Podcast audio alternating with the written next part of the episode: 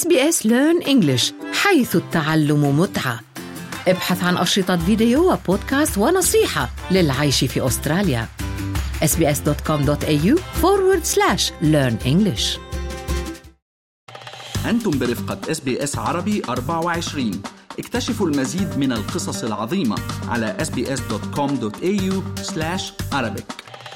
منسوب التوتر مرتفع في جنوب لبنان تحديدا وبالفعل اشتدت عمليات القصف المتبادل بين إسرائيل وحزب الله.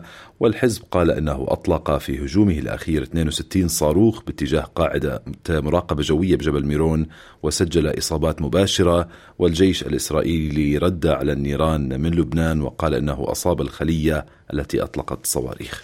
وفي حديثه من بيروت أعرب الممثل الاعلى للاتحاد الأوروبي للشؤون الخارجيه والسياسة الامنيه جوزيف بوريل عن قلقه من احتمال انتشار حرب حماس في جميع أنحاء المنطقة وأشار إلى ضرورة تجنب لبنان الانجرار إلى الصراع بين إسرائيل وحماس. لنستمع إلى ما قاله بوريل. Even war has laws, and there are international humanitarian laws that has to be respected. As I said many times, one horror doesn't justify another.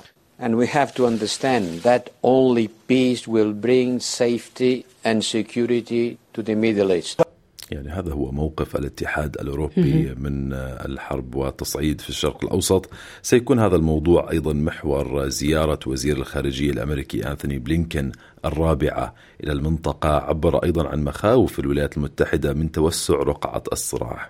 وقال في عمان غداة لقاء العاهل الأردني الملك عبد الله الثاني إن غزة جزء لا يتجزأ من الأراضي التي تحتل إسرائيل منذ عام 67 ويجب أن تكون جزء من الدولة الفلسطينية المستقبلية لسه في حديث أمريكي عن حل الدولتين واعتباره الحل الوحيد القابل للتطبيق. وشفنا رفض أمريكي أيضا. بترا أكيد طالعتي الأخبار لتصريحات وزراء إسرائيليين منهم بن جفير وسموتريتش عن الهجرة اللي وصفوها بانها طوعيه لسكان قطاع غزه إلى دول أخرى دعونا نستمع إلى ما قاله انثوني بلينكن I think they're also prepared as they as they have been to use the the ties, the influence they have, the relationships they have with some of the critical players and some of the critical countries in the region to um, do everything possible to de-escalate and to prevent uh, the conflict from spreading. Uh, Turkey can play a really vital role in doing that.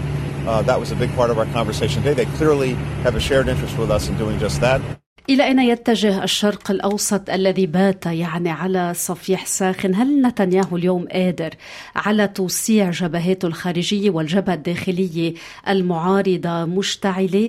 كل التفاصيل مع ضيفتنا لليوم يلي رح تنضم لنا من العاصمة بيروت الصحفية مؤسسة وناشرة موقع مصدر دبلوماسي مارلين خليفة. بداية يعني قبل أن نتطرق إلى الزيارات الدبلوماسية ووزير الخارجية وتصريحات الأمين العام لحزب الله السيد حسن نصر الله دعنا نتحدث نعم. عن نفس العملية الإسرائيلية استهداف الشيخ صالح العروري في معقل حزب الله في الضاحية الجنوبية في بيروت البعض يرى أنه حملت رسائل مباشرة إلى الحزب مع أنه كان في أيضا تصريحات وتسريبات في وسائل إعلام أمريكية وغربية أنه الاستهداف ليس لحزب الله ولا للبنان وإنما لحماس في بيروت كيف تقرأين هذه العملية بداية؟ طبعا عملية اغتيال الشيخ صالح العروري الذي يعتبر الشخصية الثانية في حركة حماس سياسيا وله أيضا أدوار عسكرية مهمة جدا خصوصا في الضفة الغربية وهو شخصية ذات علاقات إقليمية واسعة وخصوصا مع إيران. وكلما يأتي وزير خارجية إيران الدكتور حسين أمير عبد اللهيان إلى بيروت يكون حريصا على لقائه وله لقاءات دورية مع أمين عام حزب الله السيد حسن نصر الله هو شكل منعطفا مهما جدا في الحرب الدائرة منذ 93 يوما بين حماس وإسرائيل بالإضافة إلى الحرب الدائرة في جنوب لبنان والتي تدرجت تصاعديا منذ فترة ليست بقليلة. هذه العملية هي خطيرة أو أصلا لأنها وقعت في الضاحية الجنوبية لبيروت وضربت عمق الضاحية في بئر العبد للمرة الأولى منذ انتهاء حرب تموز عام 2006. وبالتالي هي رسالة نارية معنوية مهمة جدا موجهة إلى حزب الله. وأيضا هي رسالة إلى إلى حركة حماس تتوافق مع تهديدات الإسرائيلية. واخرها كان قبل يوم من العملية لرئيس الموساد الإسرائيلي الذي تحدث عن أن العمليات الإسرائيلية تصفية الرؤوس التي ساهمت في عملية طوفان الأقصى سوف تكون في كل مكان. وبحسب المعلومات المتداولة أن العاروري كان من الشخصيات الثلاثة في حماس التي كانت على علم بعملية طوفان الأقصى التي تمت في 7 أكتوبر الماضي.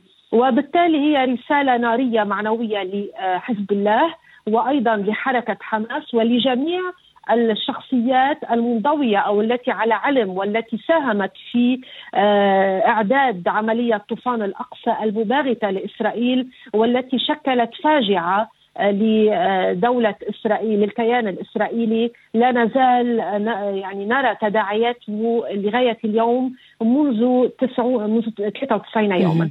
لكن هنا يجب الإشارة إلى أن ما ذكرته حول ضرب آه، قاعدة ميرون شمالا نعم. وهي إحدى أهم قاعدتين أساسيتين لإسرائيل بالإضافة إلى قاعدة رامون جنوبا آه، هي الرد صاعق أيضا من حزب الله كونها قاعدة مهمة جدا تضم عددا كبيرا من نخبة الضباط والجنود وتشكل مركزا رئيسيا لعمليات التشويش الإلكتروني على الاتجاهات المذكورة. وهذا ما آه، تسبب برد إسرائيلي جنوني البارحة بقصف ليلي آه، على جنوب لبنان وقراه. نعم. مارلين دعينا نتوقف عند ونقرأ سويا الموقف الأمريكي. انسحاب تكتيكي في التوقيت والمضمون لحاملة الطائرات جيرالد فورد التي آه، آه، ستغادر منطقة الشرق الأوسط. آه، كمان توقفنا عند الجوله الشرق اوسطيه لوزير الخارجية الأمريكي أنثوني بلينكن التي ستشمل إسرائيل. هل أتت يعني تعبيرا عن استياء أمريكي بين مزدوجين من سياسه متهوره كبيرة لنتنياهو نرى توسع رقعة الاستهدافات إلى خارج حدود الصراع للقضاء على حماس في دعوات حثيث اليوم للتهدئة. ما في أي تقدم حتى بملف الرهائن؟ كيف تقرأين هذا الموقف؟ هل الصبر الاستراتيجي بدأ ينفذ؟ آه، بالموقف الأمريكي آه، منذ فترة ليست بقصيرة.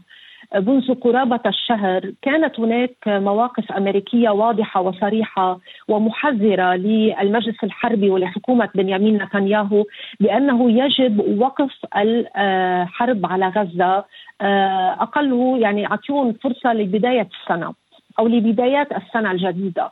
وكانت المواقف الأمريكية واضحة عبر تصريحات مختلفة منها للويد أوستن ووزير الدفاع الأمريكي الذي هو الآن يعاني من حالة آه، مرضية وأيضا لأنتوني بلينكن ولجو بايدن الرئيس الأمريكي. كان له تصريح شهير في هذا الخصوص. ووزير الخارجية الأمريكي آه، جو بايدن أيضا حمل رسائل عدة آه، كان اليوم في الدوحة وكانت له مواقف مهمة جدا. أهمها أنه يمنع على إسرائيل تهجير الفلسطينيين من قطاع غزة ونقلهم إلى بلدان أخرى وأنه يجب وقف آه، الحرب بأسرع وقت ممكن. طبعا سحب آه، حاملة الطائرات هي جزء من الضغط على حكومة بنيامين نتنياهو ويمكن اليوم أيضا الإشارة إلى موقف مهم ورد في صحيفة الواشنطن بوست الأمريكية التي قالت أن بنيامين نتنياهو يسعى إلى آه، إلى آه، جر آه، الولايات المتحدة الأمريكية إلى الحرب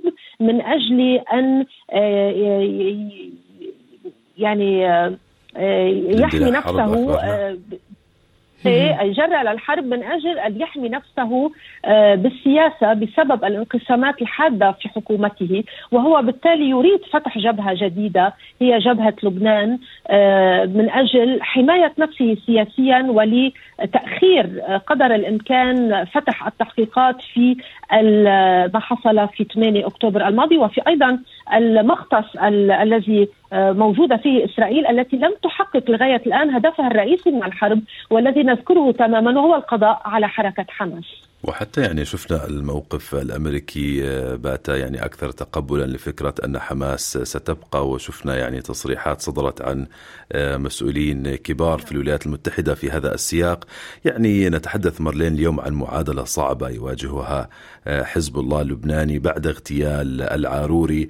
لا يمكنه إلا أن يرد يعني على ما اعتبر استفزازا من طرف إسرائيل في معقله في الضاحية الجنوبية. تحدثت عن استهداف يعني استهداف أهداف استراتيجي ربما يتجاوز قواعد منع الاشتباك ولكن يعني يبدو حسب محللين حتى داخل إسرائيل وفي الغرب أنه ما في أبيتايت ما في إقبال على حرب وجر لبنان إلى حرب شاملة لن يتحملها الشعب اللبناني في هذه المرحلة. رد حزب الله اللي ذكرتي وأشرنا إليه هل تعتقدين أنه سيكون الأخير من هذا الحجم وتستمر الاشتباكات والقصف المتبادل ضمن ضوابط محددة؟ آه، في الواقع أن آه، من سيحدد آه، منحى هذه الحرب طبعا هنالك اولا القرار، لا يوجد قرار دولي أمريكي خصوصا لا يوجد قرار لا يوجد ضوء أخضر أمريكي بحرب بتوسيع الحرب. الولايات المتحدة الأمريكية والأوروبيين أيضا يسعون إلى ضبط الجبهة الشمالية مع إسرائيل نظرا إلى معرفة مدى هشاشة وعدم قدرة الجيش الإسرائيلي على الخوض في حرب من هذا النوع. وهذا أيضا ما ورد اليوم في أحد التقارير الاستخبارية الأمريكية التي آه، الذي ذكر بأن تشتت الجيش الإسرائيلي على جبهتين لن يكون في صالحه وأن إسرائيل لن تتمكن من خوض هذه الحرب الكبيرة مع حزب الله الذي يملك آه، قرابة ال 120 ألف صاروخ دقيق. وبالتالي القبة الحديدية أيضا في إسرائيل لن تتمكن من احتمال هذا الهجوم الكبير. هذا اولا. ثانيا هنالك آه، هم يعني الممرات المائية في البحر الأحمر والأمن التجارة العالمية. هنالك لا ننسى الحوثيين الذين آه، عطلوا 20% من التجارة الدولية بسبب هجوماتهم على السفن التجارية في البحر الأحمر. وبالتالي إن هذا الأمر هو عائق أساسي آه، أمام يعني توسيع الحرب وهنالك أيضا الأوروبيين الذين يتضررون من توقيف آه، حركة التجارة في البحر الأحمر وهنالك أيضا آه، أمور تتعلق بمصالح الدول العربية التي لا تريد أيضا بدورها توسيع الحرب نظرا إلى خطط تنموية كثيرة تعمل عليها هذه الدول وبالتالي تريد ضبط هذا الوضع وإيقاف الحرب بأسرع وقت ممكن. هلأ بالنسبة إلى حزب الله، حزب الله يعني آه، يحتكم إلى الميدان. وهذا ما كان واضحا في خطاب أمينه العام الأخير يوم يوم أمس آه، عندما تحدث عن آه، أن الأمر هو للميدان. وحين تحدث في خطابه السابق في ذكرى آه، القائد الحرس الثوري قاسم سليماني عند تحدث عن حرب بلا سقوف هذا صحيح ولكنه قال إذا اعتدت إسرائيل على لبنان وعلى على لبنان سوف تكون حرب بلا سقوف وبلا ضوابط. هو قال إذا اعتدت إسرائيل على لبنان وعلى حزب الله سوف تكون حرب بلا ضوابط. ولكن في خطابه الأخير كان أكثر آه، طراوة إذا فتح قوة فتح نوع من الفرصة الجديدة التي ربما لم ينتبه لها الكثير في خطابه حين تحدث عن آه، بطبيعة الحال تحدث عن تثبيت الردع وكل هذه الأمور لكنه تحدث عن فرصة آه، سوف تظهر إلى العيان عندما تنتهي ينتهي العدوان على غزة كما قال آه، هو أن يتمكن لبنان من تحرير بقية أرضه بدءا من نقطة البيوان في الناقورة إلى الغجر إلى مزارع شبعة وتلالك فرشوبة. وقال نحن أمام فرصة تاريخية الآن للتحرير الكامل لكل شبر من أرضنا اللبنانية ولمنع إسرائيل من اختراق أجوائنا واستباحة بحرنا وسيادة بلدنا. هذا الأمر هي نقطة هو تفصيل مهم جدا. وبحسب المعلومات التي وردتني من مصادر دبلوماسية واسعة الاطلاع أن هوكستين الموفد الرئاسي الأمريكي كان في تل أبيب وتحدث في هذا الموضوع وأيضا كاترين كولونا وزيرة الخارجية الفرنسية كانت لها أحاديث مطولة بالإضافة إلى الموفد الرئاسي الفرنسي جان إيف لودريان فيما يتعلق ب هذه التسوية المحتملة مع حزب الله في جنوب لبنان والتي بموجبها سيكون هنالك تسوية حول القرار 1701 ووجود حزب الله في جنوب الليطاني وانتقاله إلى الشمال الليطاني وهذا أمر لم يحسمه الحزب لغاية الآن ولكن هنالك بوادر مبادرات نعم. قد تكون مفيدة.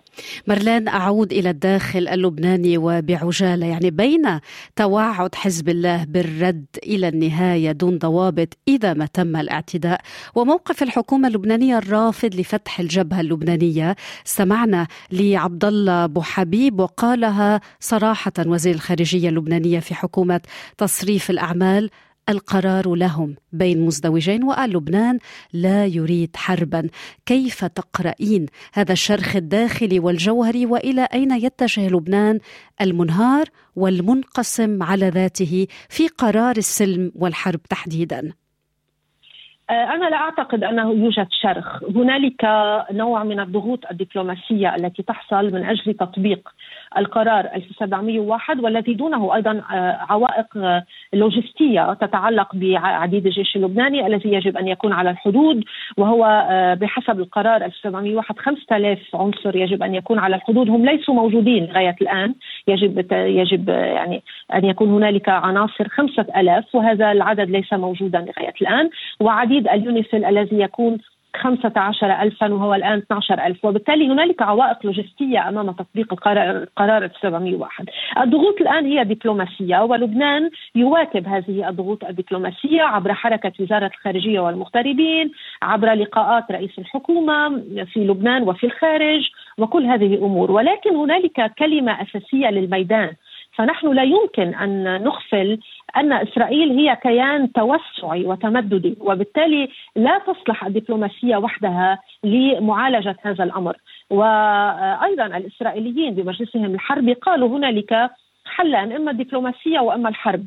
إما أن يعني بيمشي الحال بالحل الدبلوماسي اللي يقوده لبنان الدولة. وإلا سيكون هنالك قرار بالحرب الذي يقوده حزب الله.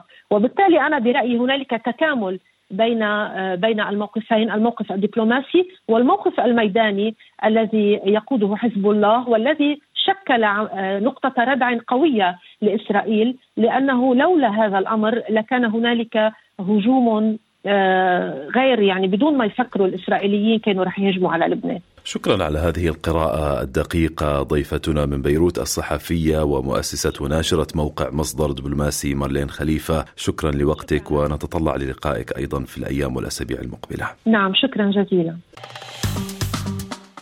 اضغطوا على ال like أو على ال share أو اكتبوا تعليقا. تابعوا إس بي إس عربي 24 على الفيسبوك.